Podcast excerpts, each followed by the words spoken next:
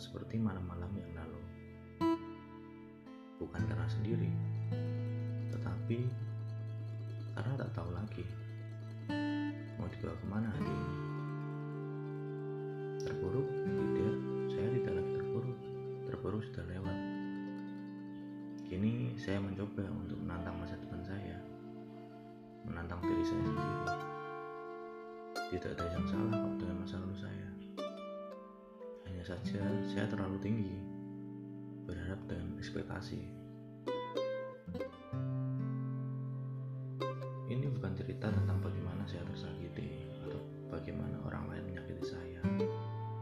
Atau mungkin bagaimana saya menyakiti orang lain. Tapi tentang bagaimana berdamai dengan itu semua. Karena saya tahu roda itu berputar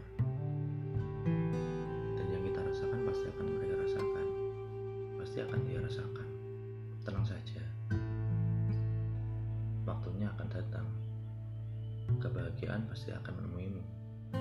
Itu yang saya percaya. Tak seperti kebanyakan teman-teman saya. Saya hidup mandiri, tidak bergantung pada orang tua saya.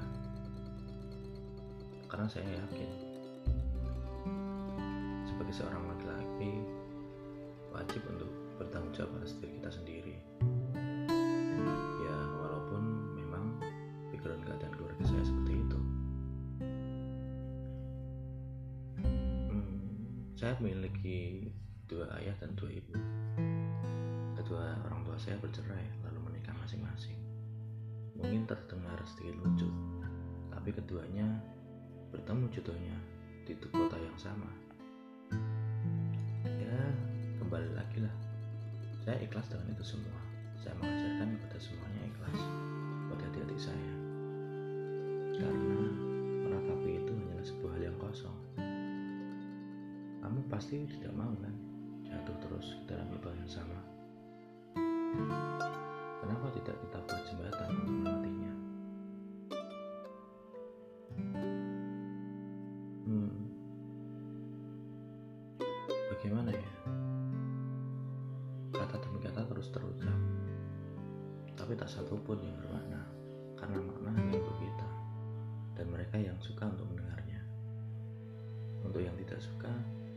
pasti tak akan berwarna. Dan terus saja akan berulang seperti itu. Terulang terulang lagi dan terus berulang. Karena kita harus tahu masing-masing manusia punya caranya mereka sendiri. Bagaimana mereka menyikapi keadaannya. Bagaimana mereka melihat apa yang ada